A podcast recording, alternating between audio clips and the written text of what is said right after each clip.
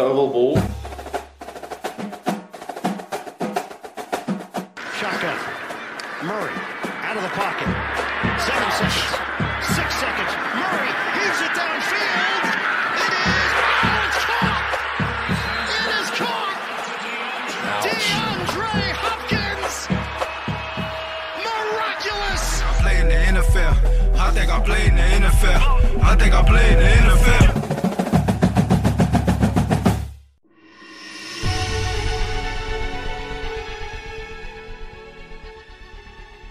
Hjertelig velkommen til oval ball. Vi er alle tre til stede, og jeg tror vi er i like god form som et Dallas Cowboys på tur til Minnesota, eller hva? Oh yeah. Oh yeah. Vi må prate om enda en sjuk runde. Vi kommer til å kjøre en topp tre-liste, som jeg òg håper at du, Kenneth, har fiksa, siden du er her i dag. Og vi har selvfølgelig en deilig anbefaling. Og i motsetning til Robert Sala, så kommer vi til å bytte ut vår quarterback halvveis og få inn en superreserve i Sander Daleng i ukas dypdykk. Hvem trenger rund ball og fotball-VM når man har ovalball og football til folket? Fotball til folket! Fotball til folket!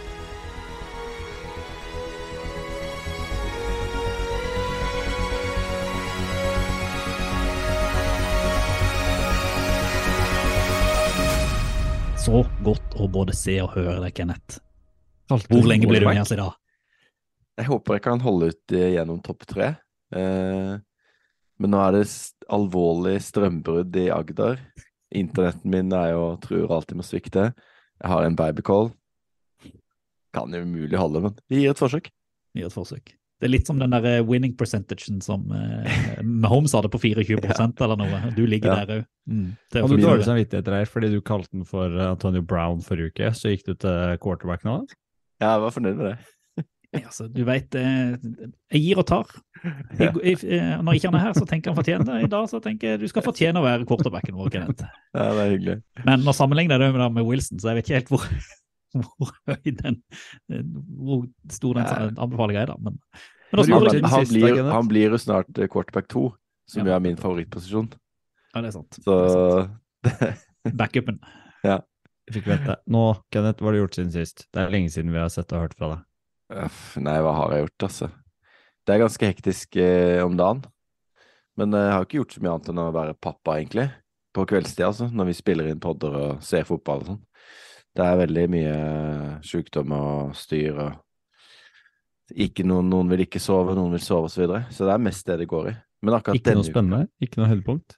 Eh, ikke som jeg kommer på, men eh, det som skjer eh, denne uka, er jo høydepunktsuka. Mhm. Fordi Mhm. det er jo Jeg kommer jo til Oslo for å se fotball med dere i på Thanksgiving. Og min kone har, eh, skal ha julekonserter i eh, Grimstad til helga. Eh, Det er derfor jeg har vært litt busy på kvelden, for at hun har vært på øvelse. Mens jeg har da måttet ha mye show hjemme med kidsa. Så etter denne uka så roer det seg kanskje litt. Vi får se. Vi får se. du er her nå? Det er jo Jeg er her nå. Jeg er veldig fornøyd med det. veldig Vi fornøyd nyter det så lenge det varer. Men du Stian, du har hatt noen du, Det har skjedd litt. Noe må ha skjedd for det. Du har hatt det, hatt det Men- gøy. Gøy og kaldt. Jeg har jo, jeg har det, ja, jeg har hatt det kaldt. Og dere vet, eh, altså alle som er litt sportsinteressert i Norge, vet at Ullevål stadion er Norges kaldeste plass. Ja. Det er et kuldehøl, ja. Å, fytti, jeg var på landskamp der mot Finland i, på søndag, klokka to.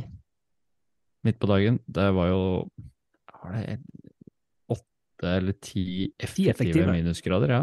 Mm. Og sur vin.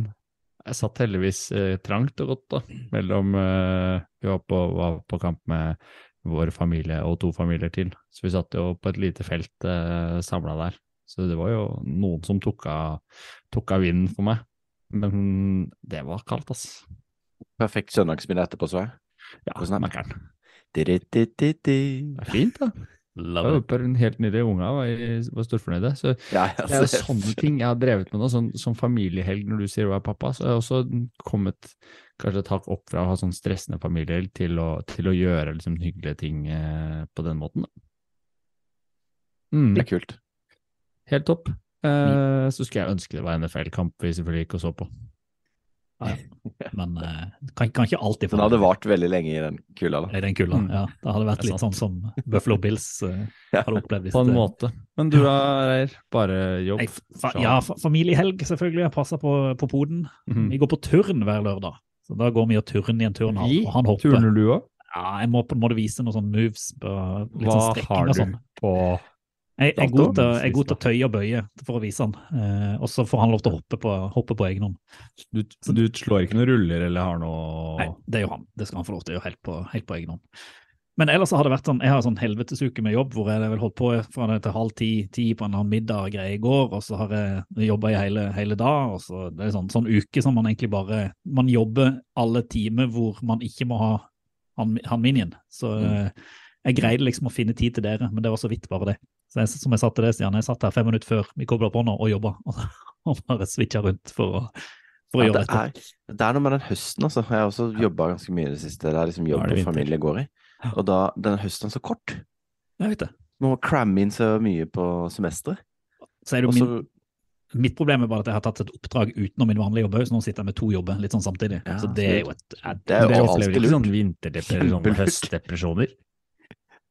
Jo, altså, jeg er alltid litt deppa når det er mørkt. Jeg jeg liker ikke det, altså. Nei. Og så var- Derfor så var jeg så glad nå når det snødde masse. Nå var det kjempelyst og fint. Og så nå regner alt sammen bort, da. Så Ja, For jeg, jeg er sånn som ligger og slurer på terningkast fire hele året. ja, jeg er mer sånn eh, Benytter meg av skalaen, kjenner jeg. Ja. Vi er litt mer bipolare med Kenneth, mens du er bare liksom helt flat. Men apropos snø og NFL, NFL, at vi må prate litt om den runden som har vært.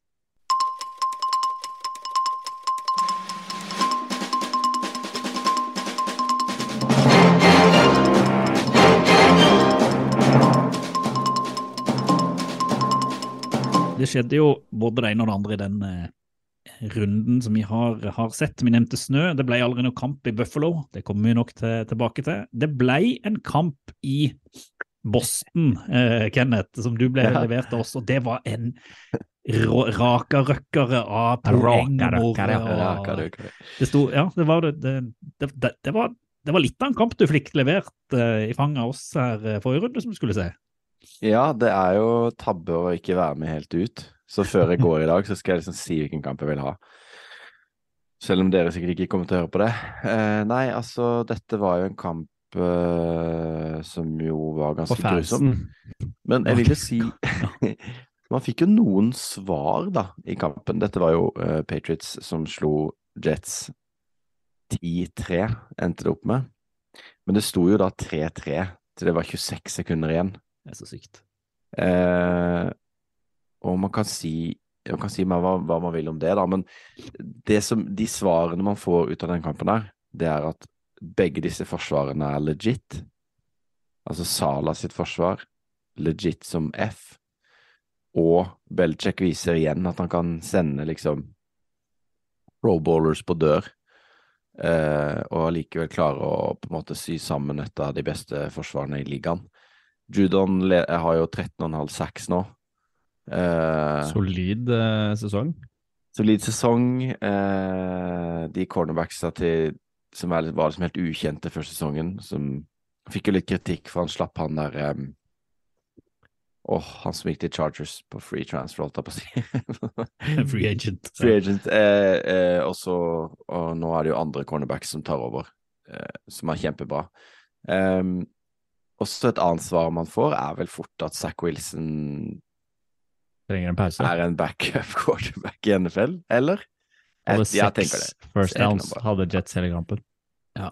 Det er jo ikke Ser jo helt uh, 44 passing yards. Det Ser helt ut. Var det to passing yards eller noe? Det to yards de hadde i andre halvdel av Andre- kampen? andre Jets selv. Eller noe sånt. eller For det er akkurat den, den den etter kampen. ja, ja, ja, ja, ja, ja, ja. Og det var jo bare starten. Følte at angrepet svikta Forsvaret. Nei, nei. Nei, ikke sant. Det Da Det skal du bare si ja. Det er jo Og, og når du hørte de andre intervjuene fra han uh, Gareth Wilson, som jo er rookie i tillegg, som bare sabler ned hele opplegget. Eh, en annen ting som var litt interessant med den kampen, at Nick Folk bomma to field goals. Nå vet jeg ikke helt hvor langt unna de var fra, men eh, det er jo litt sånn Han gamle mannen pleier jo alltid å treffe. Ja, utenfor 50 så bommer han jo alltid. Innenfor 50 treffer han jo. Så, Eh. Ja, jeg, heter, jeg Det er sant, det var det, det sikkert, eh, det var sikkert lenger ut. Men høydepunktet i kampen kom jo da 26 sekunder før slutt. Hvor eh, rookie Marcus Jones um, 54 og 57 yards har han sparka fra. Ja, men da bommer han jo selvfølgelig. Da bommer han alltid. Alltid over 50 bommer. Uh, Marcus Jones, uh, punt return touchdown. Han er rookie, er egentlig cornerback, men, eh, ah. men er jo også vært en eh, return specialist i college. Og Belichick elsker jo special teams, så det var sikkert en seier for både han og hele drafting-apparatet. Men men det, må være, altså det må være så vondt for Jets. Ja. Altså, nå har de Altså, hatt to Jets kamper mot Patriots denne runden hvor de skulle Patriots. vinne, og så greier de ikke vinne. Og, Er det ikke, er det ikke 14, 13 eller 14 tap på rad, eller noe sånt? Altså, de klarer bare ikke å slå Patriots, uansett hvem Nei. som spiller på noen av de lag.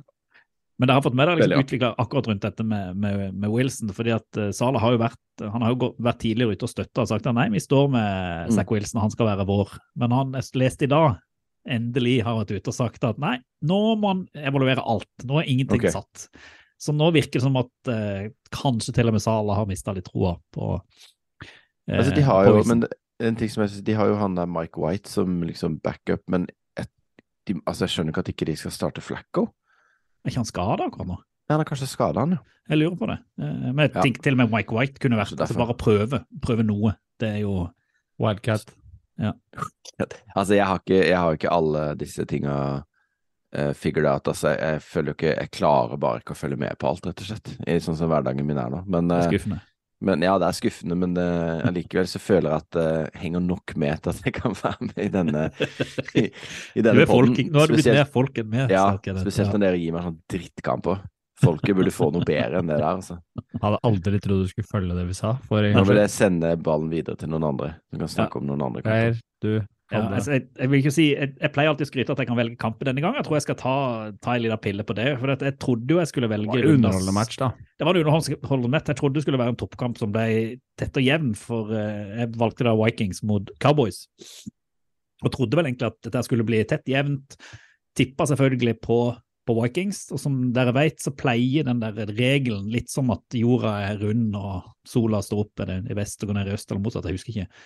At når jeg tipper, så blir det alltid blowout, og det andre laget vinner. Og det skjedde jo denne gangen òg, eh, utrolig nok. Eh, så jeg var egentlig litt Altså, jeg har alltid vært litt skeptisk til Vikings hele denne sesongen. Har liksom ikke syntes de har levert like godt som resultatene tilsier. Og så møter de et Cowboys-lag eh, som har et helt fantastisk forsvar. Michael Parsons spiste de opp nesten fra starten. Og så kanskje litt ulikt da Dak Prescott, men denne gangen så gjorde han ikke noe feil.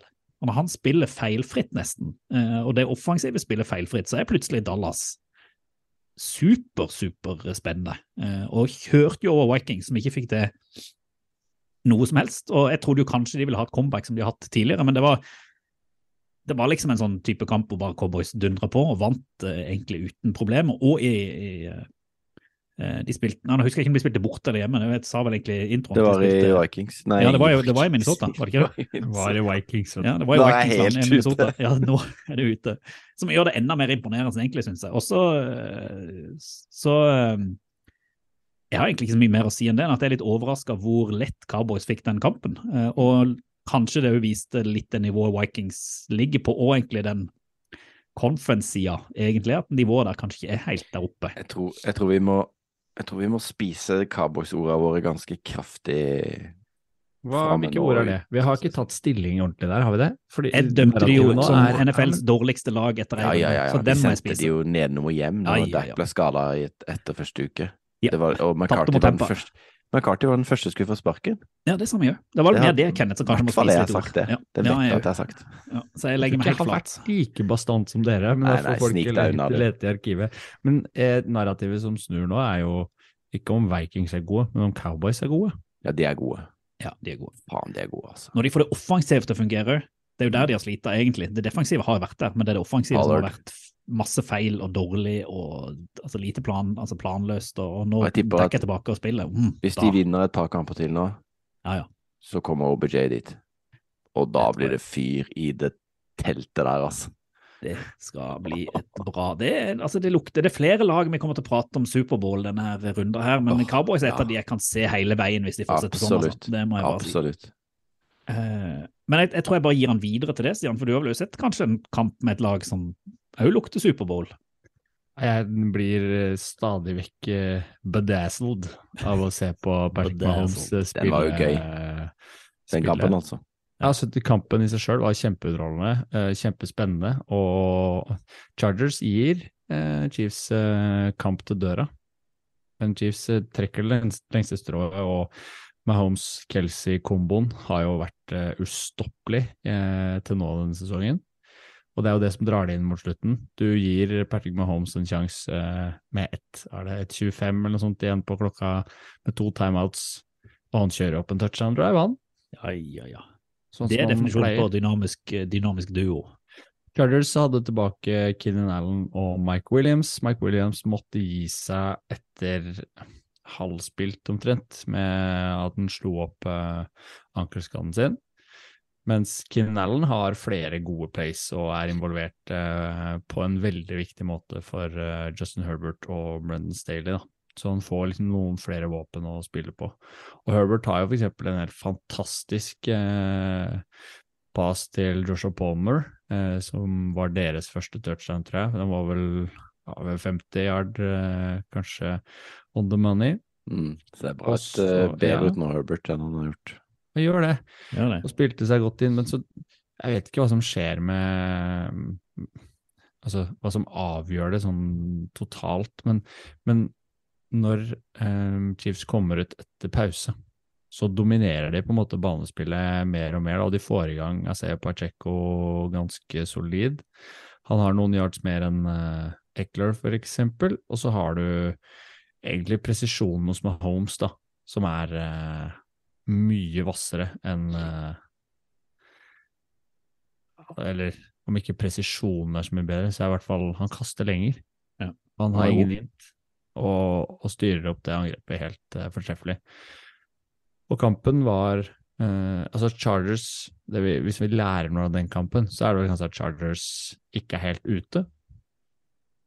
Jeg syns det var positivt å, se det Chargers-laget som jeg nesten egentlig hadde avskrevet helt, og se det gi Chiefs så god kamp. Nå gjorde de jo det altså det var det første runde i året, eh, men så har de hatt mye skader, det har vært, eh, vært dårlig. og eh, Hvis de greier å levere på det nivået framover, så skal ikke utelukke de helt, skal man det fra en, fra en playoff, eh, selv om de er Nei, langt Chiefs bak. spiller de ikke helt ut. Da. Det er en jevn match. De har 23 mot 22 first downs, Chiefs, og så har de, som du ser på statsen jevnt over, så er det eh, Chargers som har ball mest og har, han kaster, eller kaster litt kortere, på en måte, totale yards. Men ellers så er det et Chargers-lag som står veldig godt opp mot uh, Chiefs, og, og litt lignende motsatt oppgjør sist. Da. Klarer ikke å stoppe Kelsey, da. Nei, og det er det ingen som egentlig klarer nå, ser det ut til. Nei.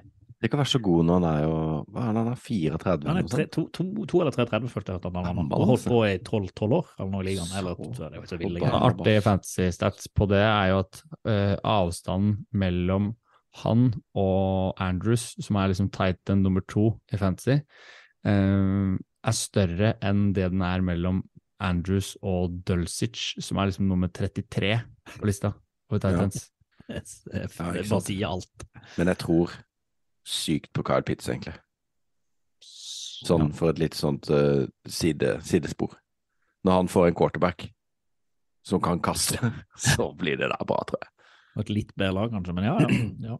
Foreløpig er det ingen å nærme Kelsey engang, sånn, som de, sånn som de spiller. Absolutt ikke. Og Chiefs de er, eh, sånn som de ser ut nå, eh, det beste laget i NFL.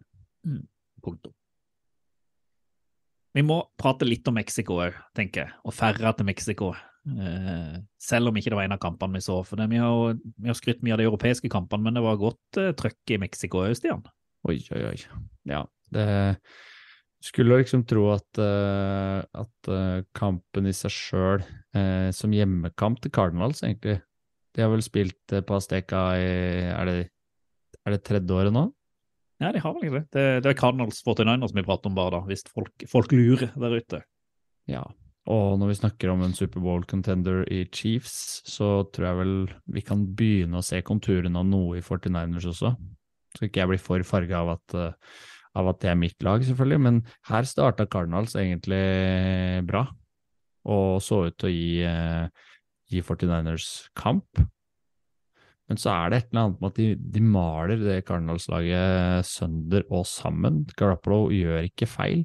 Han kaster ikke ints, han spiller både på de jevne, og de sprer ut hele laget sitt. da.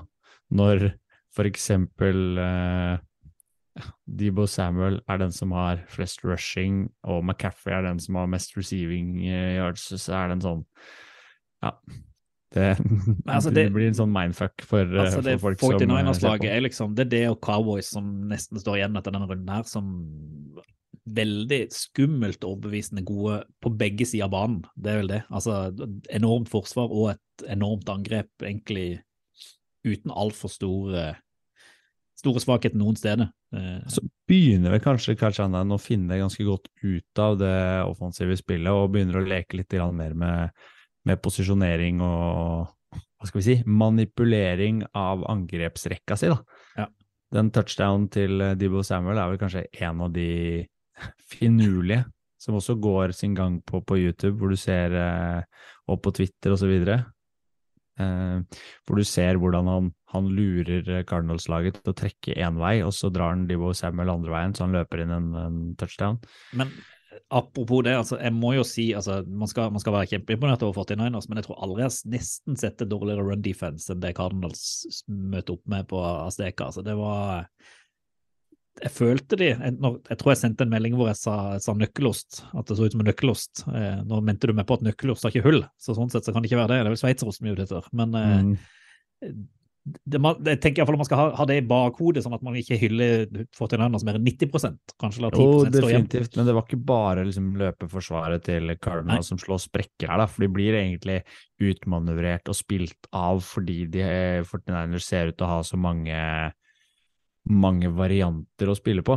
Du, du klarer ikke å lese angrepsspillet, for plutselig så setter de inn Elijah Mitchell som har eh, en rakett i, i rumpa og, og kjører gjennom opplegget, og så kaster de langt på Ayuk isteden på neste, og så spiller de opp uh, Debo i slott, og så er plutselig McCaffrey satt opp i slott og løper uh, som en receiver. Så du har ikke mulighet til å forsvare deg. Og i tillegg, hvis vi, hvis vi tar med at Cardinals mangla vel fire faste på, på linja, så tror jeg de skal slite med et såpass godt offensivt lag. Ja. Kan si at uh, Cardinals har jo bare DeAndre Hopkins. Det er det de har. Han, han er jo helt Altså, eh, nå har jeg bare sett highlights, men, Her var faktisk uh, Greg Dortch uh, noe. men ja, men Hopkins er liksom Han er så vanvittig god. Altså mye Men- høyere nivå enn alle de andre her. Ja, så, ja jevnt over veldig høy, høyere, mye høyere nivå. Hadde en uh, taunting penalty også, de andre Hopkins, hvor han uh, holdt på å bli tatt i lufta av to stykker som egentlig krasja og landa oppå hverandre, og da står han over de og harselerer og får straff. Han er så god. Altså, han er jo liksom Begynner å komme opp i åra, men han virker ikke som til at han skal liksom fade noe særlig. Litt som uh, egentlig som Adams i, i Raiders òg. Han er jo beholdningen der borte. Mm. Men de har jo, de har jo blant annet da Kyler Murray som er ute med, med skade, Cardinals. Og apropos skade, eh, der begynner det nå å virkelig røyne på eh, for alle lag, egentlig. CV har spilt eh, over halvveis, og når jeg snakker om linja til Cardinals, så er det jo en haug av linebackers eh, jevnt over på de fleste rosters som eh, sliter litt med det ene og det andre. Folk som ikke rekker å bli kvitt skade, som starter litt for tidlig, sånn som Mike Williams gjorde. Og så har du Carl Pitts som drar på seg nå. Så hadde du Stafford som måtte av igjen. Og så hadde du eh, Justin Fields, som faktisk eh, kanskje er ute for sesongen, som har Mm. vært eh, en av de mest underholdende. Når vi, apropos ting vi snakket, snakket om før sesongen, om at eh, B-slaget kommer til å bli det kjedeligste i manns minne. Så Justin Fields eh, hoster opp den ene tryllekunsten etter den andre, og nå er han skada. Han har fått skulder ut av ledd, nå føler jeg leste. Var, og han spilte vel med det òg en periode, Mm. eh, i den kampen som de tapte mot Atlanta. Mm. Uh, Carl Pitts muligens ute. Clyde Edwards Hilaire måtte av for uh, Chiefs. Og så det røyner på liksom jevnt over for de fleste laga. Og de som står seg best, er vel kanskje de som spiller eh, receivers, eller som ikke har så mye smeller og, og tett kontakt, da. Mens running backs og linjespillere får mange. Mm. det, er liksom, det er jo en del av gamet, men jeg syns alltid det er litt trist, for det ødelegger ofte så mye Mm. av sesongen når noen av de store profilene på noen av de lagene man har troa på, forsvinner. Chargers har vært et eksempel tidligere. Ravens til en viss grad føler jeg hvert år har skade. Mm. Eh, Ja, da gikk vel Ronny Stanley av med skade nå ankel. igjen. Da. Så de, de blir liksom ikke kvitt de, de småskadene sine heller. Og sesongen er så kort at man må eh, Det er liksom hvor mye skal man ofre og, og risikere å tape for å, for å bruke de beste på når de er 90 da. Topp tre. Tre topp. Pott tre. Opp tre. Topp tre. Oval vals, topp tre. Jeg vil tørre å påstå at det er vår favorittspalte. Topp tre. Vi plukker ut det vi mener er topp tre fra runden som eh, gikk. Og, eh, Veldig enkelt konsept. Veldig enkelt konsept, men akk så deilig. Og denne gangen, har Kenneth, så regner jeg med at du òg du, har- du har fått med deg tre ting, selv om du har sittet med babycallen. Jeg har tre. Jeg har tre. Du har tre. Det er flott. Mm. Men jeg tenkte du, Stian, du er jo den, eh, Den si, den mest erfarne. Den som sitter med mest kunnskap. Foreløpig, iallfall, av oss. foreløpig. Foreløpig. Så får vi se Om som- runden. Om runden.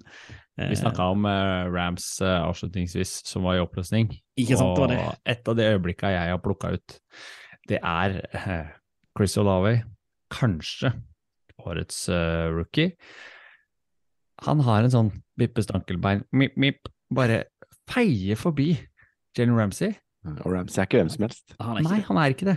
Og Jalen Ramsey, han, han En av de må, beste i ligaen. eh, Ja, hva er det han driver med? Det er en 50, ja, over 50 yards eh, som han løper inn der og lager på en perfekt eh, vekta pasning fra, fra Var det den der Dalton ikke skjønte hva som skjedde etterpå? Han var så Mm. glad. Ja. Ja. Han var helt ute av det. Jeg tror aldri man har sagt setninga 'perfekt vekta pasning' for Andy Dalton på over 50 yards, men det Men det var det. diskusjon. Ja, det Det var var helt, helt nydelig, og han Mm. har ikke noe finte eller noe rykk eller noe som helst. Han bare dundrer peis rett fram i en åpen luke, og det ser ut som godeste, som godeste Ramsey undervurderer farta til Olave. Og det er litt rart, for du har sett han Mm. spille nå noen runder, og, og spilt veldig solid.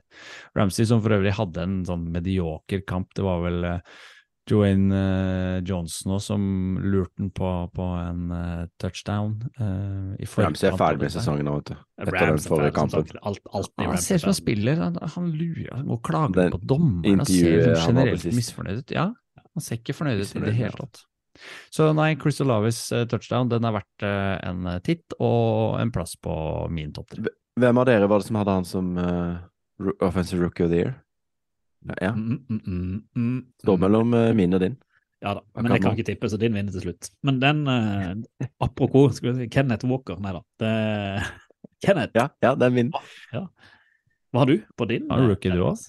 Eh, jeg har um, På min så har jeg eh, T. Higgins, Bengals, Burrow Altså, de er tilbake, men den egentlige, den egentlige tredjeplassen min, det er Trenton Irvin.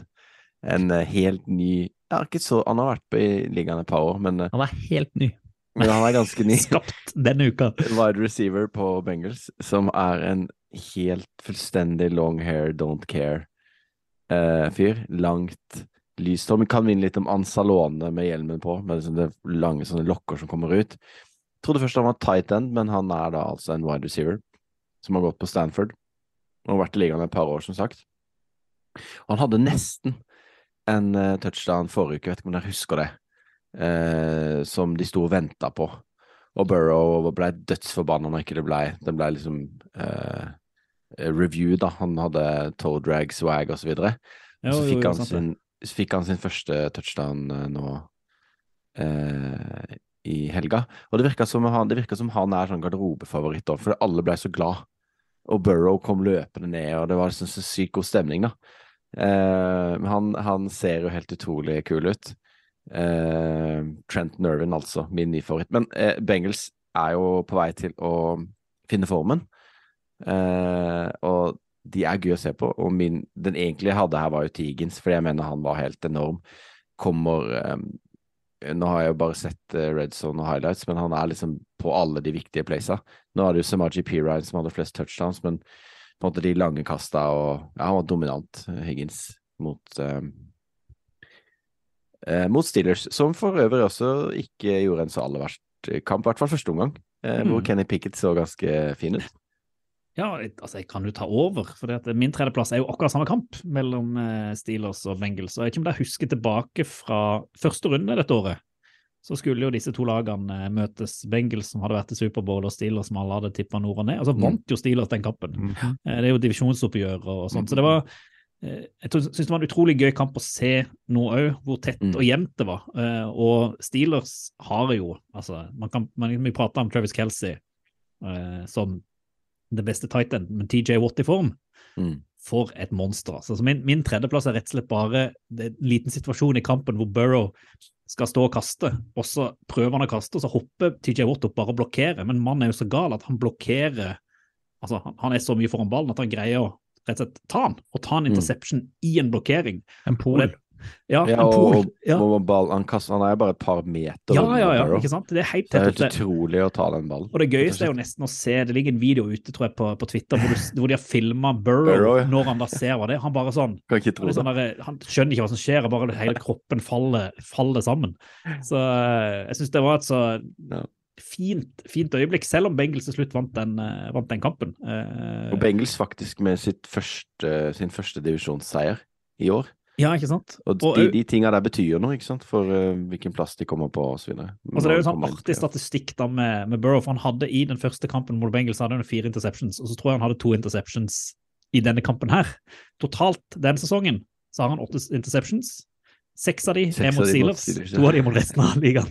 Eller noe sånt. Det er sånn syk statistikk som er litt, eh, litt artig. Men nå møter han ikke Steelers igjen denne sesongen. Uh, og så må vi vi må jo hylle litt, litt Kenny Pickett òg, da. Han ser, Ja. han ser bra ut. Ja, han ser så bra ut. I hvert fall som jeg sa i første omgang. De gjorde jo ikke veldig mye andre gang på offense, men, eh, men eh, han eh, Ja. Jeg syns han ser så rolig bort. ut. Han ser så rolig ut. Han ser liksom I motsetning til da type Zack Wilson, som jeg ta et eksempel jeg snakka om tidligere, så ser han ut som han hører hjemme der, på et vis. Han er ikke skremt. Han bor han sånn vel rett ved. og Ja, Ja, det er sant. vi går videre på den. Vi går videre til din nummer to, Stian. Det var så bra, ja. Kan vi gjøre. Eh, det snødde i Buffalo. Å, så det det er på Mer enn i Grimstad, faktisk. Det er jo det Utrolig. kaoset som Bill Mafia egentlig, Bills Mafia egentlig setter i gang. Når de skal lose og skjønner at den kampen kan det ikke bli noe av i eh, Buffalo, så den må flyttes til Detroit. Og Bills Mafia trenger å få spillerne på fly, så de måker på en måte oppkjørselen og får de ut av husene sine og skifler de omtrent inn på flyet for å sørge for at den kampen blir spilt. Det, ble, Det vel- det skjedde vel på lørdag morgen eller noe sånt. Ja, ja. Det er så mye fine videoer, det er vel spesielt på Twitter, hvor du ser liksom hver enkelt spiller ser oppkjørselen sin er måka opp, og det står fans der ute. Altså, det er helt Folk som lufter hundene sine, og hundene Ja. forsvinner i snøen, og du ser det aldri igjen. Syke, syke. Det var helt uh, vanvittig bra tilstander. Og Bills Mafia virker jo som en gjeng. Uh, jeg vet ikke hva de går på. Jeg elsker Det er klart, de stilte jo opp i Detroit, mange av de òg. Ble med over uh, og spilte en solid kamp, vil jeg si, til å være på, på semi-bortebane. Ja, altså ikke, ikke ha fortrent trent og ikke forberede seg og møte et uh, Browns-lag som du ikke skal kimse av, så syns jeg jeg var egentlig veldig imponert over det Bills greide å levere den kampen og, og ta hjem den seieren. Det er ikke Ja. bare bare, eh, når de har hatt den oppladninga og de ukene de har hatt tidligere med, med tap. Har, har det skjedd noe med løpestilen til Josh Allen, forresten? Så du den? Han hadde noe sånn uh, Han fikk det ikke helt til å stemme der. Var Det noen C-momenter i Han er litt sånn utafor Jeg føler han er litt utafor sånn generelt. Men det er jo litt sånn vanlig å på en måte ikke klare å holde Altså, så lenge han finner formen. Han gjør det. Det, Kommer det det tror han gjør. Ja. Ja. Og nå skal jo En annen ting som var litt festlig da, er jo at de skal spille i Detroit mot Detroit nå på torsdag. Eh, men de skulle hjem igjen etter kampen på søndag. Ja, Jeg skjønner ikke det. Og så skulle de bare tilbake. måke, det liksom. tilbake igjen, da. Ja. ja, men jeg skjønner du det. Så de finner husene Og sine. ta så snøen fra taket. Ja. Nei, men det var min andre. Crazy Bills Mafia. Ja, men apropos Detroit, så er min uh, nummer to er Egentlig så er det fuglebrystet til Aiden Hutchinson. Altså, jeg har ikke helt troa på um, på Aiden Hutchinson, da. Jeg har jo snakka om det i vår interne chat, da. Eh, nå har han jo begynt å levere.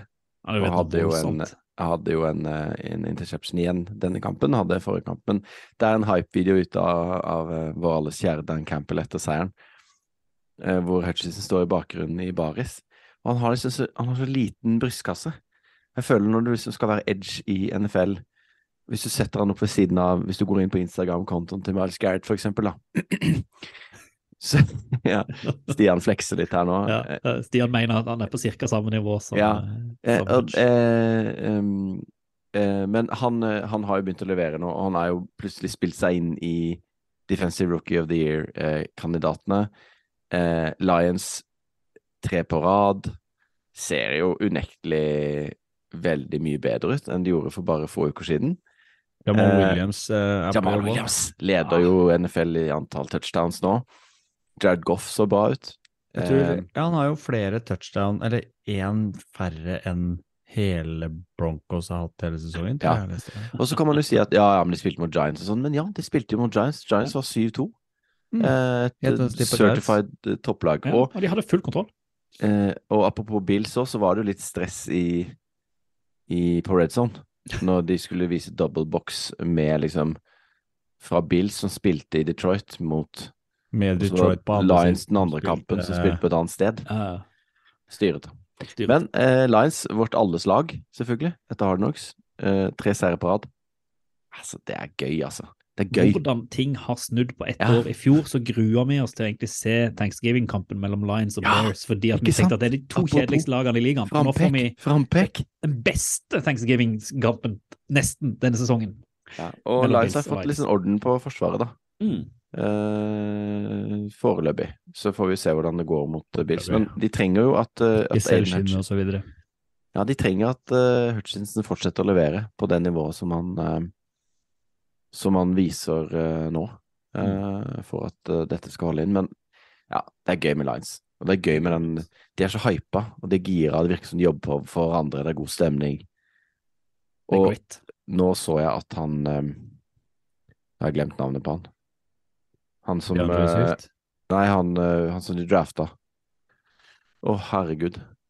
Han uh, Jameson Williams, han Mm. uh, wide receiveren, var tilbake på trening nå. Han hadde jo mm. Kanskje vi kan få se han i slutten av sesongen. Og da har de um, uh, St. Brown og han der potensielt to superstjerner, altså. DeAndre Swift uh, gradvis tilbake i form ved siden Ja. ja. Ja. Det, det ser gøy ut. For Og Jared Goff behind Jared Goff, center. Ja, han er kanskje et spørsmålstegn men vi får se hva som skjer i draften. Ja. Eh, jeg, kan hoppe videre til min, eh, min andreplass. Uh, her er det mitt sånn, hva kaller man det, sånn yin-yang. Jeg er litt usikker på om det er uh, Eagles som er dårlig, eller om uh, Jeff Setter er et geni. Det er egentlig min andreplass. Uh, fordi at vi prata om sist om at Eagles tapte jo, og så husker vi Cardinals fra i fjor, hvor de starta veldig godt, og så bare liksom falt de fra, og kom seg vel nesten ikke til playoff engang. Og Var det 10-0 eller 11-0, liksom? ja, ja, altså Det var i hvert fall ekstremt høyt. Og så kommer da eh, Eagles nå, og så har de liksom hatt de har litt samme utvikling. Og de møter et Colts-lag og sliter rett og slett veldig med å produsere offensivt, selv om de har vært blant de beste offensive lagene i ligaen. Og så slipper de jo til Colts litt, selv om det er jo ikke så jækla, jækla mye. Men det er jo et Colts-lag som har vært helt ute med en trener som aldri har vært trener før. og, og sånn. Så er liksom Andreplassen min egentlig rett og slett bare et sånt åpent spørsmål jeg ennå er usikker på. Om Eagles er på vei ned, eller om dette her var en liksom bare en one-off. Eller om det rett og slett Jeff Saturday som bare har kommet inn og bare vekka hele Colts-laget i live, og at de er tilbake sånn som de skal være. For du så jo løpespillet var på plass, og Matt Ryan var jo gjorde ikke så mye feil, i alle fall. Det var liksom, Forsvaret var på plass, og det var, det var en gøy kamp, jevn kamp. eh, Og så greide jo Eagles da, heldig vil jeg si, å stikke av med den seieren til slutt, eh, med et poeng. Jeg føler det er litt sånn kombigreie, men det var mye rart som skjedde for Eagles òg i denne kampen. Det var det. Blant annet at AJ Brown hadde en fumble, veldig sjeldent. Eh, at, at han der eh, senteren Kelsey, som jo er verdens beste senter, hadde en snap over huet på Hurts. Ja. Eh, sånne ting som ikke du ser egentlig fra det laget, da. Tok de lett men på det? Det kan være. Det kan være. kanskje litt Altså, det er jo vanskelig å holde den konsen og Jeg har jo liksom en teori om at eh, lagene forbereder seg forskjellig til kampene. At de ser, ser seg ut noen kamper i løpet av sesongen som de forbereder seg ekstra godt til. Mm. Eh, nå, jeg kan ikke si at kanskje Colts har gjort det akkurat denne gangen, da, fordi de, de har jo ikke hatt han treneren lenger, men, men at noen kamper er kanskje litt sånn Ok, dette her må vi ta det på flyten, og så må vi, fordi vi møter et bedre lag neste gang, eller vi møter Dallas Cowboys, eller whatever. Jeg føler det var litt sånn kamp, og Hurts kommer jo på en måte til sin rett på slutten, da. Mm. Ikke Ja. Det ordna seg. Og så det er jo også viktig. mot slutten her, Kenneth, som klikker på tribunen og bare 'Dette Ja. var for Frank Reich'. Men det er jo ja, ikke sant? Men det er jo på en måte kjennetegnet til gode lag, vil jeg si. da At de klarer å dra i land sånne sliteseiere. Litt Ja, som har- Chiefs også, eller? Mm. Som gjør det gang på gang, og Eagles som gjør det nå. Jeg, ja, det er jo en Ja, mulig Superbowl vi snakker, eller? Chiefs har hatt et mye tøffere program. altså Eagles har jo hatt Ja det klart Ja enkleste programmet, så jeg gleder meg til, nå til neste runde hvor de skal møte Packers. Jeg føler det er nest, altså et av de sånn ordentlig første testene de får ut fra den kampprogrammet de har hatt. Så jeg, Men Eagles spiller også i den tøffeste divisjon, beste divisjonen i Ja. NFL. det er nesten. Det er vel eh, kanskje én divisjon som er bedre, men den ja, ikke, på win, ikke på wins, vel? Nei, det er sant. Det er, sant. Det er greit. Det er greit. Vi kan hoppe videre til førsteplassen eh, din, Stian. Ja, det er jo på en måte vår førsteplass. Jeg mener jeg snakker for oss når vi snakker om Ja, ja. eh, Corderell Ja, ja, ja, ja. Patterson som var tilbake igjen. Hvor man Selv om jeg tippa på det andre laget i den kampen. så- Han er jo på en måte en mann med stor M. Ja. Kjenner du noen kulere spillere nesten, sånn på Bortsett fra Trenton Irwin, så kommer jeg ikke på noen. Nei. Og du ser hvor mye han betyr for det, for det Falcons-laget når, han- når han er på banen. Skal riktignok si at han hadde en liten miss som førte til en touchdown imot. Ja, ja. Men så har han en kick return som er helt vanvittig når du ser Var ikke det rett etterpå? Jo. Det var svaret på touchdownen, som han bare Ok, jeg må gjøre opp for meg. Og så bare banker han igjennom hele Bears-forsvaret. Ny rekord. Ni, Ny rekord. Ni Ni stykker, var det? kick returns, ja. Mm. Corridell. Det er eh, Det er bare å ta av seg hatten for må hylle eh, Arthur Smith òg, som på en måte har fått Får ut det beste av for vår mann be- Cordell. Ja, jeg virkelig. tenker Han har Hver uke, det beste uansett, tror du ikke det? Nei, men han har jo hoppa rundt på lag og ikke liksom fått Ja, det helt til. Nei, nei, det er sant. Han har fått en ny vår i, i Falcons fra i fjor. Eh, Ja, for den, den uh, touchdownen han hadde der, i kick returnen, den var på 103 yards. Han er helt rå. Helt rå fyr. Altså, tvers over banen, og det så ut som han skulle bli tatt et par ganger, men så har han et rykk i Jeg vet ikke han, Det er litt som vi snakka om Justin Fields forrige uke, når han skal uh, feie av gårde mellom, uh, mellom spillerne, så har han et ekstra rykk liksom et stykke inn i løpet sitt. Så de andre når ikke opp til han. Og så ser han jo noen luker, av Patterson, som uh, Mm. få andre gjør etter han. Det er en helt egen skill å returnere. Det er ikke noe tvil om. Nei, altså, han er jo god på ikke, Han er en sånn potetspiller, sånn som jeg ser det. Han kan spille både receiver og, og running back, egentlig, og, og fungerer altså som returner og må jo være gull verdt for, for Arthur Smith å ha. Men jeg, jeg syns han, han fortjener å få det, både fordi han utøver en såpass Eller han har perfeksjonert en såpass vanskelig oppgave som å være kick returner, da, og gjøre det til eh, sin greie. Enig. K. Er det meg? Det er det. Eh, jeg har en veldig sånn kort og grei en. Nei, jeg er bare litt sånn usikker på rekkefølgen her. Jeg har ikke vært med på noen uker. Det er en du ikke har nevnt. Ta den. Ja, eh, jeg, ikke, jeg var ikke usikker på min rekkefølge. Jeg var usikker på hvem sin tur det var. Eh, Jeg har bare en, en enkel greie. Det er CD Lamb, som da Det er gøy med NFL, det er statsball. Han tar imot ballen. Hendene er da 1,1 yard, tror jeg det var, utenfor banen når han tar imot ballen. Og bare føttene står limt innafor banen eh, og ramler på utsida, og det er en catch. Eh, det var vel bildet på hvor dominante Cowboys var mot eh, Vikings. Vi snakka litt om det i stad, men de, alt gikk. Alt gikk hjem. Og det var et perfekt kast fra Dac Prescott, men eh, fantastisk catch av Steve Lamb, som har fått opp dampen, vil jeg si. Og på en måte Ja. stikk motsatt det du så. Jeg er jo tilbake på Chiefs-kampen, da, men de hadde en, eh, en receiver på, på en Jeg tror det var en punt, ja, som er på vei ut av banen.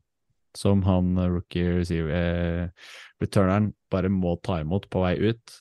Og han klarer på en måte ikke Han er ikke én yard utafor engang, men han på en måte bare velter ut. Han bare forsvinner sånn i sakte film og lander bare strak som han er uh, utafor banen. Og det er det stikk motsatte av den uh, atletiske CD Lamb som du så i uh, klippet du henviser til, uh, Kenneth. Mm. Så du finner alltid NFL. Deilig. Det gjør du. Mm. Sistemann? Ja, Broncos country, let's ride! Nei da. Uh, eh, og dette her er jo se og hør, da, men jeg, jeg syns det er så gøy, fordi at Og det er jo, det er jo sikkert fælt, men eh, sant, to. To, to, av de, to av de dårligste lagene i NFL møttes jo nå i helga. Eh, Raiders og Broncos. Eh, utrolig nok så greide jo Raiders å vinne denne kampen, eh, så dårlig som de har vært, etter et fantastisk egentlig Det var, det var vel i overtid hvor eh, Davonte Adams gjorde et fantastisk uh, route running, og så Mm. sto helt alene, fikk ballen fra Carr, og de walk-off touchdown. Men så jeg går jo ryktene da på at eh, det er en del folk i Denver som ikke er sånn superhappy med Russell Wilson. Eh, det har jo gått rykte om at Natalian Hackett har jo vært ute og sagt at han kanskje ikke helt lytter på alt han sier, eh, selv om han har satsa alle pengene i kurven på, på han og endelig fått en headcoach-jobb, og så er det Russell Wilson som gjør det bort. Og så gikk det jo nå et rykte etter denne kampen mot Raiders at running back Melvin Gordon hadde da blitt så forbanna etter den kampen at han hadde gått inn i garderoben og satt på hiphop-artisten Future på full guffe. Eh, og det tenker folk at mm, ok, kult. Greia er jo at Future er jo eksmann til kona til Russell Wilson, Kiara. Eksmannen eller eksforloven eksforloveden? Eksforloven, og de har et barn sammen. Eh, og Kiara i 2020 saksøkte da Future for 15 millioner dollar eller noe, for eh, altså sånn æreskrenkelse og, og noe greier. Eh, og da har visst Russell Wilson gått bare rett ut og forlanger at Melvin Gordon skal ut av klubben med en gang. Dette her er ikke akseptabelt. Han er visst òg da en meget sjalu eh, mann. Og jeg lurer litt på sånn Russell Wilson akkurat nå, om han føler at det å flytte opp til Denver i dette her massive huset de har kjøpt, var kanskje Om det var den smarteste avgjørelsen? Når du da Men Gordon, Gordon er jo kutta. Ja, han er kutta, er ikke sant? Og det er jo derfor. Eh, spørsmålet er om det er akkurat derfor. jeg har ikke fått med meg dette. Ja, at det- at han er det kutta. Rett ut. Så eh, stemninga i eh, Broncos-garderoben, den er min førsteplass, ut fra akkurat det. For da, altså Da, ja. Sett på litt future, da. Sett på litt future, ja. Det er det beste jeg har hørt. Dette er gøy. Det der, det er fett. Oval ball anbefaler. Da har vi kommet frem til uh, ukas anbefaling, og endelig, endelig skjer det noe på ovalball.no. Men hva er det som skjer, Stian? Det er jo ikke vi som har skrevet den, da. Hired gun. Hired gun. Det er jo vår faste spaltist, eh, Sander Daling, som har eh, tatt en, eh, et tilbakeblikk, egentlig, på 2020-draft-klassen. Og gått gjennom draft-rekkefølga og sett på hva klubbene egentlig burde gjort hvis de hadde visst det vi vet nå. Hvem burde de plukka istedenfor det de opprinnelig gjorde? Og det syns jeg var en høyinteressant og kjempeartig tekst å lese, og anbefaler alle å gå inn på valball.no og lese Sanders tekst. Send oss melding på Twitter, eh, slakt gjerne Sander hvis du er uenig med ham, eller hyll ham hvis du er eh, litt enig. Er ikke greit, Kenneth? Det er nydelig. Og i og med at dere nå skal få inn Sander, så skal jeg trekke meg rolig tilbake til babycalls og kveldsmat. Men før det så vil jeg bare si at uh, siden min kone har julekonsert i uka, skal jeg ikke ha noen tidligkamper. Jeg vil ha Raiders mot Seahawks og min eh, offensive rookie of the year, Kenneth Walker, i kamp på søndag. Just so you know. Fotball til folket, eller? Football til folket.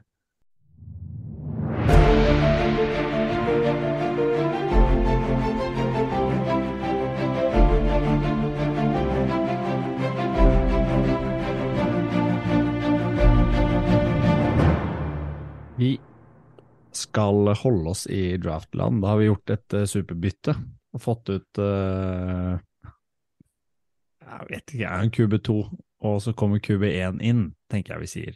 Ja. Sander Daleng, velkommen tilbake. Ja, tusen takk. Vi uh, hylla nettopp uh, den fantastiske teksten din og anbefalte folk å lese om 2020-draft-klassen. Så skal vi egentlig ikke slippe temaet helt, men vi skal holde oss på uh, Vi skal holde oss i uh, rookie-land og, og draft Skal vi si draft-verden. For det var en draft foran årets sesong òg. Kan du ikke si litt sjøl hva du har tenkt å trekke frem her i dag? Ja, nei, jeg fikk jo oppgave å uh, hente frem de fem, uh, fem beste rookiene så langt. Uh, og det ja, Det er ikke så fryktelig mange av dem som har stukket seg sånn voldsomt ut, men det ble, ble, nok til at det er noen sikkert som vi har utelatt fra lista, som en del der hjemme mm. skulle, skulle hørt prate om. Ja, vi, Ja, hvis vi ser på hvis vi, hvis vi bare hopper tilbake til, til draften som var i år, og hvis vi går ut ifra at de fem første valga som ble tatt, da var de fem beste spillerne, sånn i deres øyne, så gikk Trevor Walker til Jacksonville Jaguars først, og så gikk Aiden Hutchinson til Detroit Lions, og så gikk Derek Stingley til Houston Texans, Sauce Gardner til Jets, og som nummer fem Kevin Thibodeau til New York Giants. Så nå aner meg kanskje at du ville gjort om på, om ikke rekkefølga, så ville du i hvert fall eh, gjort lista litt annerledes, eller?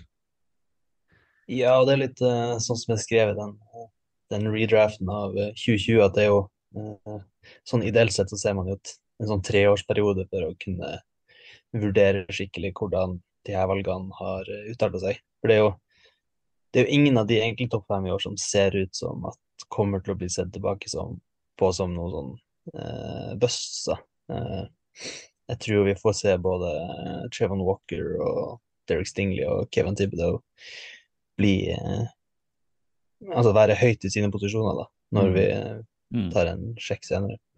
Om et par år, liksom, og gjør status, så, så vil det nok være det. Det er nok veldig sannsynlig. Men det er jo Vi har fortsatt hatt nok skal vi si, materiale på de, en del av de gutta til å, til å vurdere kanskje i hvert fall de, de fem beste som du skal inn på. da. Så Jeg vet ikke om du har lyst til å begynne på femteplassen, ja, så vi gjør det spennende mot den du mener har vært, eh, vært den beste. Ja, på femte så kan vi begynne på en spiller som jeg sjøl ikke var eh, veldig eh, Eller like høy som resten på eh, inn mot draften. Mm. Eh, Chris Olave i, i Saints. Der var det jo om han allerede, allerede da, og, og skrytt høyt, så det, det er godt at vi, vi er enige. Ja, det fortjener han jo òg. Mm.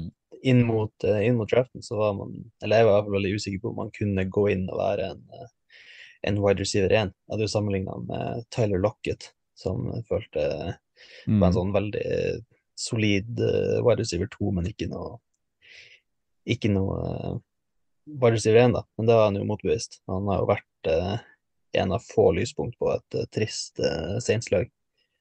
Mm. Sånn sett så kommer han kanskje inn i et riktig lag òg, hvor han, han har ikke noe press på seg til å levere, men han får muligheten til å levere, da. Ja, så var han en veldig fin eh, en eh, hva skal si, veldig fin partner til da Michael Thomas og eh, Jarvis Landry og etter hvert, eh, hvor han har litt mer eh, touchdown-potensial, så han kan gå dypere i banen. og uh, ja, det var sagt at han var veldig eh, passa veldig bra inn i det offensive. Og så har han jo måttet tåle Andy Dalton som quarterback i stedet for James Winston. og ja, så det, han har Som sett- Jim sett Winston kommer tilbake igjen etter den der sutringa som han holdt på med nå i, i media, da. Ja, det spørs jo. Det, jeg vet ikke hva man skal si om det. Det var jo litt overraskende at, eh, at han har blitt, blitt behandla så dårlig som han eh, påstår, da. Etter Mm. at uh, Han var jo god i fjor da han spilte i Mm. fem Ja, kamper. han var det. Ja, men jeg er veldig enig i valget. Kanskje han skulle vært høyere til meg i min bok, men jeg syns det, er, det er solid å ha han på Han er inne på topp fem, i hvert fall. Hva har du på fjerde? Fjerde så er det Tariq Woolen. Gigantisk Han har eh, cornerbacken i Seahawks. Ja, han har vært, uh, vært veldig god med fem interceptions og uh, bare ja, vært uh, argumenterbart en av de beste forsvarsspillerne blant rookiesene. da. Mm. Men ja, litt usikker. Jeg har ikke sett så mye Seahawks, så det er kanskje det som gjør litt at, at han ikke havner høyere for min del. Jeg mistenker jo litt at fysikken og eh, draftposisjonen gjør at han blir snakka kanskje litt varmere enn han kanskje Han nødvendigvis ble har spilt. tatt som nummer 153 i årets draft, tror du ikke? Jo, det var noe sånt. Sånn rundt 150? runde. Ja. Det er jo rart, egentlig. Altså, det er jo en spiller som han da, som er såpass atletiske ferdigheter og størrelse og Han har jo lite erfaring også, cornerback, så det var jo på en måte Oppsida var jo uendelig. Så Han er omskolert, er han ikke det? Jo, han var vel egentlig wide receiver Det jeg trodde. tror jeg, og så Mm. ble han, eh, ble han brukt som cornerback bare i UTSA. eh, Noen sesonger eller noe sånt. Men det Mm. var veldig merkelig egentlig at eh, NFL lot han falle så langt. De har jo pleid å tatt sånn uberatletiske cornerbacks mye tidligere enn eh, er ikke så lett å finne heller. Og så er jo han, han Ja, og så er jo han også vært kanskje Skal vi si å komme inn i rett lag til rett tid, da. Litt som Olave, i et lag som egentlig ikke hadde noe stort press på seg, som kvitta seg med stjerne-QB og kanskje var i gang med en rebuild. Så får han såpass mange sjanser av Pete Carroll og blir coacha veldig godt, da. Ja, Pete Carroll er jo fantastisk, men ser man jo på hele den rookie-classen at uh, den ser veldig bra ut. Jeg hadde han jo topp 100 sjøl på min uh, big board. Det jo ikke, Mm. han, han har jo levert mye bedre enn det, da. Men uh, at han begynner til topp 5? at, han, uh, ja, at han skulle være såpass god så tidlig, det har jo vært, vært veldig gøy på, å følge med på. Mm. Da må vi opp på, på tredjeplassen din. Nå begynner vi på pallen. Nå begynner vi Først på med det du gjør. Og da så Man kunne jo plassert begge de to tidligere opp hit, tenker jeg. Eh, men Aiden Hutchinson er eh, nummer tre, bare for at det ser ut som eh, og det, er noe veldig, det er noe veldig romantisk med den plasseringa der òg. Eh, lokal gutt som blir drafta hjem til, til Detroit Lions. Og har bare sett ut som et kjempe en kjempematch, rett og slett. Nå har han jo visst at det er jo ikke bare pass rush han uh, er god på. Han hadde jo en ny int, det var vel andre inten hans denne sesongen i helga, så nei, det ser ut som en kjempe, kjempetreff for, eh, for Lions. Og Kenneth også eh, fuglebryste, som ja. Kenneth trekker fram, at de kan ha uh, Man har ikke stor nok si? brystkasse til å være edge, mener Kenneth. ja, Ja, det det er ikke så lett å men jeg tror kommentere. han blir uh, Ja. Nei. eh, det er kjipt at ikke Kenneth er her nå, da, så vi kunne prate litt om det. Men eh, Ja. Men han skal nok få høre det. det eh, vi får se. Hvis, det, hvis, hvis, eh, hvis fuglebrystet vokser litt i løpet av sesongen, så skal vi ikke se bort ifra at han fullfører Kenneths drøm om en god edge.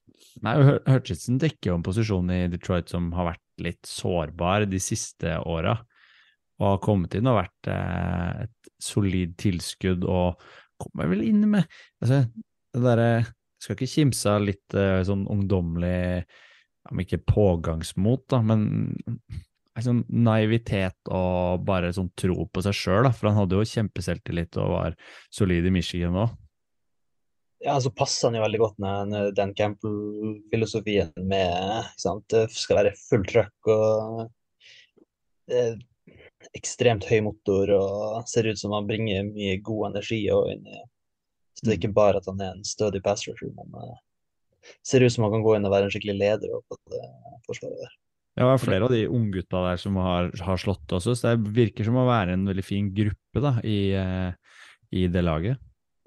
Og så er det, tenker jeg jo at det er jo et karaktertrekk, for i motsetning til kanskje de to andre du har valgt. Olave ble jo tatt tidlig, Hutchinson ble jo, altså ble jo tippa som kanskje altså draftpick 1, eller i alle fall helt der oppe. Og det er jo ikke alltid, som du sier, at de leverer, selv om man tror at de er gode. Så det er jo et godt karaktertrekk å takle det presset, og òg levere sånn at han på en måte er oppe på den pallen eh, etter en halv sesong når han ble plukka så tidlig. Så det er jo et, eh, et godt tegn. Ja, uten tvil. Og det var jo liksom litt av snakken nå før eh, draften. Det var jo at Eller det var mange som mente at denne draftklassen ikke var så god som tidligere utgaver, og at selv om Hutchinson var ansett som den beste spilleren i draften, så var han liksom ikke det samme som Bosa og Chase Young. Ja, så det må nok føles veldig godt for han å bare vise at uh, han nødvendigvis ikke er med. langt unna. Mm. Selv om det er fortsatt et stykke opp til, uh, opp til toppen. da. Men allikevel så faller han én plass ut fra når han ble plukka, så nå er vi spent på, på hvem Detroit egentlig skulle ha tatt, da. Ja, det spørs, men uh, eh, eh, Damien Pierce, running back i Texans, han, Mm. eh, han har vært eh, ekstremt god. Eh, nå har jeg valgt å vrake da, den eh, running backen som ser ut til å være oddsfavoritt på rookie of the year, i hvert fall. Mm. Men eh, jeg vet jo, Reier, du er ikke så glad i, så glad i tall, da. Men når det kommer til Damien Pearce, så må han forklares med noen tall. Du skal få lov. Du skal få lov. og det at det blant annet Det er kun Lamar Jackson som breaker mer tackles, eller oftere tackles, enn Damien Pierce. Eh, og der er jo altså Naturlig kanskje siden han spiller i Texans og den linja ikke blokka all verden. Eh, men i tillegg da, så har han på Han har 199 berøringer i år, og eh, 57 av de her eh, berøringene leder til da enten en first down eller en touchdown. Som er eh, litt i overkant av ja, hver fjerde gang han berører ballen, så er det garantert first down eller touchdown. Snakker vi en av de mest verdifulle spillerne sånn jevnt over i NFL da, eller? Med tanke på hva han produserer? Ja, Hvis vi sammenligner med den andre running backs, så er det jo Derrick Henry har 25 da, så han Mm. slår jo an med 3,5 eh, Mm. eh, Ken Walker, som har betydelig mindre berøringer, er på 28 Så Han er jo knuser jo han òg på, Mm. på en måte, da. Eh, mens Nick Chubb er kanskje den eh, si, mest verdifulle eh, eh, running backen når det kommer til berøringer og produksjoner. Og han er på 30. Eh, men altså, det er jo litt kjipt at han begraves i et grusomt Texans offense, men han har i hvert fall vært ekstremt god, og det går jo veldig under radaren nå, da, på en måte, når, når de ikke scorer med det de gjør. Mm. Mm. Men jeg det er ikke uvanlig at en uh, Sorry, sorry, her, men Ja. det er ikke uvanlig at en, tida. Ja, jeg skal prøve å unngå det. uh, men jeg, jeg syns det er fascinerende med de gutta som, som blir, selv om han er running back, da, som blir drafta såpass seint i, i draften. Han ble tatt i runde fire og viser seg å være så solid at han burde jo vært uh, plukka tidligere. Ja, han har vært oversett litt hele karrieren òg. Bruken på college var jo kjempelav. Mm. Eh, så jeg vet ikke om det var det som på en måte gjorde at eh, mange var litt i tvil, eh, i tillegg til at den verdien på running backs har sunket litt de siste årene. Men eh, han har jo definitivt vært eh, Kunne veldig forsvart å ha tatt han høyt i runde to, altså. Mm, men har han hatt noen reelle konkurrenter i Texans da? Sånn Nei. RF og Lave og, og de andre også som får komme inn og få flere muligheter kanskje enn de gutta som kommer til litt, litt bedre lag, da. Ja, nei, han var jo i, eh, i training camp-konkurranse med Rex Burkhead og ja, Marlon Mack var vel Mm. litt i sommer, tror jeg. Eh, så det er jo ikke altså, han, har jo, han har jo fått den rollen. men Han har jo virkelig, virkelig bevist at han, eh, han fortjener den. da. Jeg tenker det Når du er i din første sesong og kan sammenligne det med Nick Chubb, så har du gjort et eller annet riktig. Eh, uansett, eh, nesten. Eh, det, Ja, definitivt. det er virkelig, virkelig impo- imponerende. Så er det jo godt å se at teksten Altså, de gjør mye dumme valg, men her har de iallfall gjort et godt valg, og det er jo bra for uh, framtida, hvis de greier å holde på han og greier å bygge mer rundt nå, med et sikkert first eh, overall pick til, til neste år. Ja, det spørs om de mister det, nei. Uh, det kan være trygt også hvis det kommer inn en, en quarterback og bare ha, ha Damien å spille på, da. Mm. Det, det er sant. Og da uh, går vi helt opp på toppen av ballen. Det sier at dette blir gøy. Yes, jeg gleder meg. Exciting. Ja, nei, og da er det så Gardner. Uh, Ja, uten, han uten der. tvil beste rookien så langt. Eh, han har gått inn og bare ser ut som Han er eh, gått, gått inn i NFL og bare etablert seg som en av de aller beste cornerbacksene. Uh, og han har det har vært helt uh, Jeg tror ikke noen egentlig har sett det for seg, eh, hvor god han har eh, han faktisk har vært det. Og nå er det jo ikke sånn at han ikke har blitt eh, at han har møtt skikkelig motstand heller, for han har jo spilt mot både Waddle og Hill og Chase og Sutton og Stefan Diggs og så, så han har jo liksom Han har blitt testa nesten hver uke i det Rødts uh, defense, som har vist seg å holde seg til uh, sånn Superbowl-kaliber omtrent, da. Uh, Jeg syns han har en sånn Han har en sånn ro over spillet sitt, en sånn oversikt eh, over alt som foregår på banen hele tiden, og kjempeflink til å posisjonere seg riktig for å ta ut, eh, ta ut de targetsa som motstanderen har. da. Jeg syns det er så fascinerende å se på de, de gutta der som eh, har, har den skal vi si, X-faktor, nesten. da. Det bare virker helt naturlig for han. Ja, det er det som er at han ser ut som en etablert superstjerne eh, liksom, fra før av. Det litt rart å se også en som er liksom såpass Han er jo 6-3 høy, og altså Man skulle jo tro på en måte at det var litt sånn litt startvansker eller ting som måtte innarbeide seg, men han, bare, han, eh, han har liksom stålkontroll hele tida og kan henge med i coverage på hvem som helst. og uh, tillegg viser at uh, de utfordringene man tenkte han kanskje hadde når det kom til å takle, det ser ut til at han på en måte tilpasser NFL-takling ganske, ganske greit, altså. Så det liksom Gjør jo akkurat den jobben som kreves av han i den posisjonen hele tiden. ja, Han blir jo ikke ja, spilt av. Nei, han har liksom uh, Han har kanskje den beste prestasjonen i år, vil jeg si, mot uh, Broncos, hvor han tillater fire mottak. Han blir targeta ti ganger og tillater fire mottak, og det utgjorde til sammen 16 yards eller noe sånt. Mm. Bare Nei, absurd uh, god som rookie. Den ekte Daniel Jeremiah trakk vel kanskje han frem som, uh, som den uh, potensielt beste spilleren i, eh, i draft-klassen som var nå. Og Ja, det viser seg jo kanskje at han begynner å få rett, da. jeg husker ikke helt når. Jeg hadde den jo på andreplass sjøl. Det var jo Mm. relativt unormalt høyt. Uh, Ikke kunne underselge deg sjøl her? ja, jeg, det er jo den neste akkurat den skal jeg dra fram. Det var Ja. Er, der, treff, traff du veldig bra, da. Og han har jo Det er vanskelig å finne superlativer for å dekke en, en spiller som det, når du ser hva han leverer ved å være helt fersk på, på nivå, da. Mm. Har du noen, har du, hvis du vil trekke fram én sånn honorable mention, da, hvis du trekker deg utafor eh, topp fem, eh, Sander, er det noen du vil, eh, vil at, eller føler at har levert eh, over evne, eller eh, ble urettferdig behandla i draften? Ja, nei, en ble overraska over, ikke han så på uh, PFF-ratings her om dagen, og så at uh, Kyle Hamilton er uh, ifølge PFF da, den beste safetyen i hele NFL så langt. Eh, Jeg så det sånn. jeg ble litt satt ut av, faktisk. Men ja, så kan man si litt om PFF sitt eh, sånn grading-system når det kommer til safeties, men uh, han har vært bedre enn jeg har fått med meg. Uh, og han ja, han sklei overraskende langt i draften òg, ut ifra hva jeg trodde. i hvert fall. Han var jo spådd å gå topp fem, kanskje, og endte vel opp med å gå som nummer 14. Mm. Ja, han- ja, han var vel sett på som et mm, bankers topp ti-valg. Ja, han var det i, i starten. Eh, Et siste spørsmål. Nå er ikke du forberedt på dette, så det er mulig ikke du, du har det på, på leppa. Eh, før vi går videre og tenker kamper. Har du en du har lyst til å trekke fram som kanskje den største skuffelsen eh, for draften, sånn foreløpig i sesongen? Om det er noen du ser at du hadde trodd skulle gjøre bedre, og bare altså At de blir skada er jo én ting, men som rett og slett bare har skuffa totalt. Vanskelig, Ja. det der. Den er vanskelig, da. Det jeg ser den. Eh, Hvis ikke skal du få lov å tenke på det.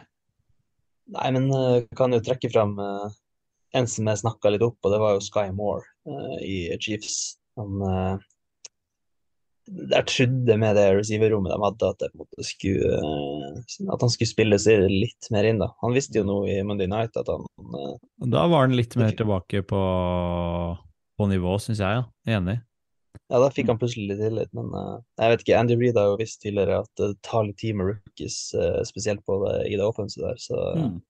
Men der Nå er, de, nå er de jo tynne der òg, da, med et par skader og, og uh, at Tony kom inn, og han får fortsatt litt lite spilletid og targets, så er vel et tegn på at han ikke anses som moden nok ennå. Ja, nei, så det blir spennende å se det. Jeg tror det blir å gå seg til etter hvert, men litt skuffa over at han ikke har fått mer sjanse enn eh, enn han har. Nei, hva skal du se på? Hva skal du se på? Rundens utvalgte. Blikket vendes mot en av de beste ukene NFL har å tilby. Uka med Thanksgiving-fotball og tre kamper på torsdagen i tillegg til full runde på søndag og Monday night. Og Sander, siden du er med oss, så skal du få lov selvfølgelig å velge ut den kampen du mener folk eh, bør se. Men så har det jo vært sånn at Kenneth, luringen, før han stakk, så hylte han inn i mikrofonen før han hadde en mic-drop at han han skulle se Raider Seahawks, så den får du ikke lov til å ta. Eller du får det- lov til det. Hvis du vil ha den isteden, så får du den. Og Kenneth må ha, finner vi noe annet søppel til. Det er greit.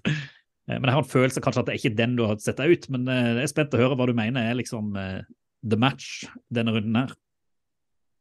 Ja, nei, jeg er konsekvent bare styrt unna Raiders kampen, så jeg tror han skal slippe det. Den skal få se alene. Det er Jeg skjønner deg godt. Det er godt. Uh, nei, denne helga så går jeg rett og slett for mitt eget favorittlag. Cincinnati Bengals mot uh, Tennessee Titans. Eh, og mest fordi at jeg tror jo faktisk ikke at Bengals kommer seg til playoffs i år. Eh, og denne kampen her vil være ekstremt viktig hvis de, eh, hvis de skal gjøre det. Eh, for det kampprogrammet som kommer etterpå, er rett og slett så tøft at eh, de er nødt til å ta de seirene de kan, eh, kan få, om de skal være med og, og danse i januar. Det er ikke noe walk in the park i Tennessee heller. Nei, det er ikke det. Eh, ekstremt, eh, ekstremt godt coacha lag. Eh, som liksom spiller jevnt med uansett hvem. Mm. Mm. Eh, så det blir, blir veldig tøft, og spesielt hvis Shamar Chase ikke er tilbake. Men var det ikke der Titans, nei, altså Bengals starta reisen sin til Superbowl i fjor, eh, i playoff, eller er det vi som roter nå at de slo Titans borte? Eh, nå kanskje Ja, det var kanskje wildcard i fjor, ja. Ja, det lurer på om det er wildcard, og så Ja, gikk de vel videre, og liksom, det var der alt, alt starta. Så det er, jo, det er jo nesten sånn revenge game for Titans òg, på et vis. Da var jo det, ja. Sant, det var da Jeffrey Simmons var, var 5-6 og ja, bare tok over matchen helt og endte opp med å ikke eh, gå videre. Mm. Så eh, det blir spennende å følge med på det. Og ikke minst Tannehill var jo kjempedårlig i, i den kampen Det i kjempedårlig. Linja til Bengels ble spist opp. Han ble vel sacka åtte ganger nå Burrow, men allikevel så greide de å stikke av med den, eh, med den Ja. seieren. Ja, den kampen var jo helt vill å, å se på, fordi den svingte så mye frem og tilbake. Men jeg, jeg tror jo at du ikke skal underselge det, det Bengals-laget helt, da, fordi de har jo toppnivå når altså Selvfølgelig når Chase er tilbake, da, men du ser jo hvordan Higgins leverer for eksempel nå, da, at eh, de har jo folk som plukker opp hansken. Ja, det, altså, det, er jo et, eh, det er jo et stødig lag, på en måte, så man må regne med dem uansett. Og Joe Burrow har vist at, eh, at han har en vinnerskalle og på en måte er å regne med uansett. Men uh, de møter mye tøff motstand fremover, så da trenger de virkelig å slå Titans nå. Mm. Du da, Stian. Hvor går du når kamp skal velges? Jeg har hatt en sånn vane om å gå mot altså, jeg, jeg, jeg tror ikke jeg leter etter det sånn eh, bevisst, men jeg ser jo etter Chiefs-kampen ofte. Men jeg, den skal jeg ikke velge den, den gangen. Men jeg syns Mahomes er så fantastisk kul å, å se på. Jeg klarer ikke å eh, la være å alltid se minimum eh, game in 40 eh, etter han har spilt eh, match, for det er et helt eh, fantastisk studium å, å følge med på.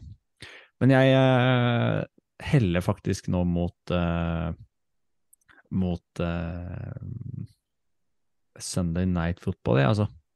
For nå møter Eagles endelig eh, motstand, og skal få besøk av eh, Aaron Rodgers og Packers. Jeg vet ikke hvor, hva vi skal si, hvor mye motstand det er, da, men det blir i hvert fall en, en kamp hvor Eagles er nødt til å heve seg fra det de presterte mot Colts sist, og man så fra Packers eh, sin side at de, sist de spilte kamp, så var de eh, et par knepp eh, bedre enn det de har vært eh, de siste ukene. Så jeg har, har en liten følelse av at Eagles blir litt overraska over et, et Packers-lag som kommer til å spille skal vi si, på det sikre. Og så har kanskje Rogers fire til fem long throws i seg til Christian Watson, eksempel, som ender med touchdowns, og Eagles Kanskje Jalen Hurts sliter litt. Vi får se. Altså, skal Packers videre til en playoff, så må de vinne den kampen, må de ikke det, Sander? Dette er liksom the last shot for Rogers, eller? Ja, det er vel det på nytt igjen eh, denne uka. At, eh, Aller siste mulighet, ja. Ja, og da tenker jeg hvis det ikke går, så er det bare å få se litt av Jordan Love og se hva, som, hva de har der. Mm. Men eh, det er jo en veldig viktig periode for Eagles. Eh, De skal jo opp mot Giants ganger to Mm. og Cowboys, tror jeg, etter, etter hvert. Mm. Ja, Den first siden er jo ikke sikra i det hele tatt, så Nei, det er, derfor er det er litt morsomt å se dem nå, eh, spesielt etter den, eh, den Colts-kampen hvor, det- hvor det lugga veldig. Da. Og se om det ble en trend etter, etter Biowick eh, sist, da. Og om de kommer ordentlig tilbake til, eh, til hektene som de var før de måtte ta pause. Så tror jeg jo Jeg vet ikke. Jeg, så, jeg vet ikke om dere fikk med dere den litt sånn morsomme trade-forslaget mellom Derek Carr og Aaron Rodgers Jo. denne sesongen. Så det, at det var, en, var det den eneste grunnen til at det måtte Adam skulle stå, i- være i Raiders, det var at hvis de bytta Rogers mot Carr, eller et eller annet eh, spøkefullt. Så vi får, jeg håper og tror at Rogers Rodgers får være med litt i gamet til. Da. Han er jo, selv om han ikke er nødvendigvis er så sympatisk, så er han jo en underholdende type. Så er det deg, da. Ja, altså, jeg, jeg, jeg, jeg gjør noe litt utradisjonelt, da, men jeg anbefaler altså, Thanksgiving football, rett og slett. Fordi at på torsdag er det jeg synes det er en helt fantastisk sammensetning av kamper, og kampen som da er min, er jo den kampen vi skal se sammen, Stian. Vi skal sette oss ned i de TV-stue klokka halv sju, er det vel han begynner med norsk tid, og se Lions som alltid spiller hjemme på Thanksgiving. Eh, det har skjedd eh, Dette tror jeg vi har diskutert tidligere i ovalball òg, nå husker jeg ikke når, men det har bare vært en tradisjon i NFL alltid. Og nå skal de møte Bills, som jeg tror blir en kjempegøy kamp, rett og slett. Offensivt. Et Lions som har vunnet tre på rad. Et Bills som var i Detroit nå, skal tilbake igjen. Spille på borte hjemmebane. Thanksgiving, fotball, god stemning. Jeg tror det blir kjempegøy, og jeg tror, jeg tror den kampen kan gå begge, begge veier, selv om Bills, eh, Bills vinner. Men så er det bare det vi diskuterte jo Eagles. Og I samme divisjon så skal jo Giants møte Cowboys. En kjempeviktig kamp etterpå om eh, egentlig hvem som kan utfordre både divisjonsseieren og kanskje til og med one seed, der hvis Cowboys greier å vinne. Dritspennende. Og så får du da Thursday Night Football etterpå, med Patriots mot Vikings. Et Patriots-forsvar som stengte ned Jets, og et Vikings som bør slå tilbake etter å ha tatt mot Cowboys. Så den torsdagen der for de som kan sitte oppe hele natta og øh, ikke må på skole eller jobb dagen etterpå, ja, jeg ser du rekker opp hånda, Stian, så øh, du, du får jo ikke en bedre torsdag enn den, den, den øh, Thanksgiving Thursday. Det er altså en fantastisk sammensetning av kamper, syns jeg. Enig. Det blir eh, For det første så kan vi ta I 1934, Kenneth, eh, tror jeg nevnte det sist du var på, var på ball og så Thanksgiving Football. Mm. At det var da Lions ble kjøpt opp av ny eier, som flytta de til Detroit, og han eieren eh, overbeviste NBC til å sende en Thanksgiving game. Uh, og det er egentlig fra 34 at de lagde en avtale om at Lions skulle gjøre det, så har det bare vedvart. Så er det deilig at Lions spiller. endelig er et litt gøyere lag å se enn det har vært de siste årene. Ja, men, eh, men vi skal se den. Ja, det var jo gullkanta. Det må vi jo absolutt si. Og nå møter de jo heldigvis et uh, hissig Bills-lag. da, Så kampen kommer til å bli eh, hysterisk artig å følge med på. Du må sikkert sitte på lesesalen, Sander, og får vel ikke sett den, du, da? Nei, vi har faktisk julebord av alle ting på torsdag. Eh, så det er jo helt krise. Eh, Fryktelig dårlig planlagt. Det er på en måte Ja. grunn til å droppe julebord, tenker jeg. ja, sånn strengt tatt, eh, så er det jo det. Spesielt nå når det er tre, tre kamper som eh, Altså tre betydningsfulle kamper, Mm. eh, ikke sånn som eh, Thanksgiving av og til har hatt tendens til å være litt grå og kjedelig. Enig. Og så er det jo Og så er det jo eh, Hva skal vi si Fotballsesongen er jo ikke er ikke så lang. Så det er jo viktig å prioritere de kampene når de, når de dukker opp og kan ses liksom eh, i prime time utenfor red zone søndag. Ja, det er jo det. Eh, Og så er det jo sånn, ja. Selv om det tidligere ikke har vært de beste kampene, så er det jo fortsatt, det er fortsatt veldig underholdende å se de fleste NFL-kamper. Så nei, krise at, de, at komiteen ikke har tatt høyde for eh, Du får melde deg i komiteen sjøl, sånn at du, du sikrer deg å se på NFL-terminlista før, eh, før neste julebord. ja, neste var- tillitsvalgte-møte, så blir det Da blir man stille. Helt nydelig. Men igjen, eh, Sander, helt nydelig at du har mulighet til å være med og, og bidra her hos oss. Og eh, vi setter utrolig pris på liksom, innspillene dine og, og måten du tenker ball på. Den er litt sånn annerledes enn vår og mye mer sånn analytisk tallbasert. og eh, Du har et bedre øye for det, det er ikke tvil. Så takk skal du ha for at du tok turen, og så håper vi at det ikke blir så lenge til neste gang. Og lykke til med streaminga under bordet på julebordet.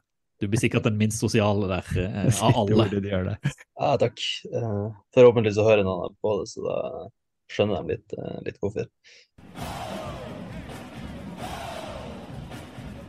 Ovalball.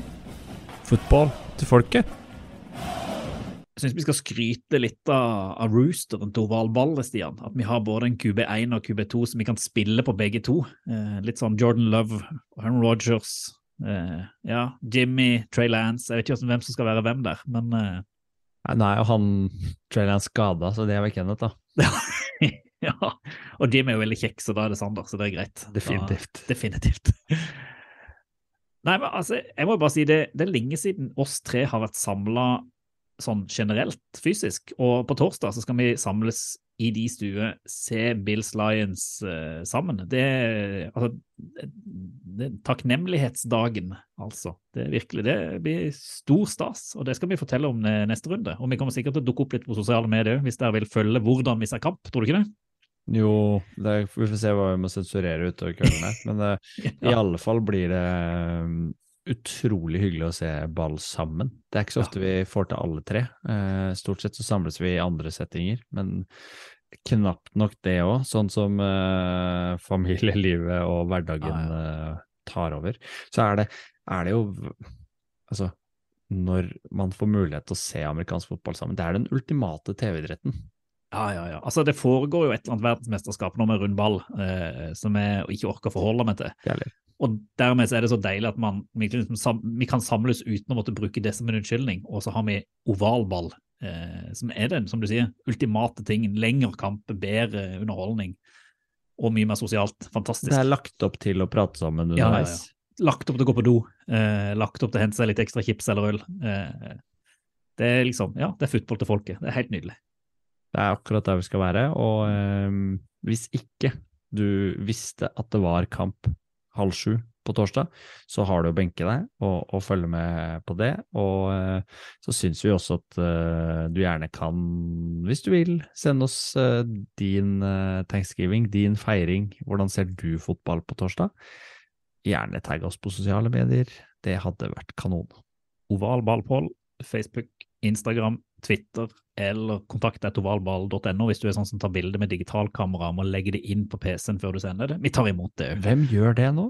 Jeg aner ikke. Sikkert en av våre lyttere som uh, finner ut at det er for å holde seg utilgjengelig, sånn at ingen skal hacke eller et eller annet. Mm. ikke. Men det hadde vært superkult for å se bare hvordan dere feirer thanksgiving der ute. Så, uh, og, så det godt være at vi deler det videre, eh, hvis vi får lov av det, selvfølgelig. Sånn at vi kan lage en god kollasj, da.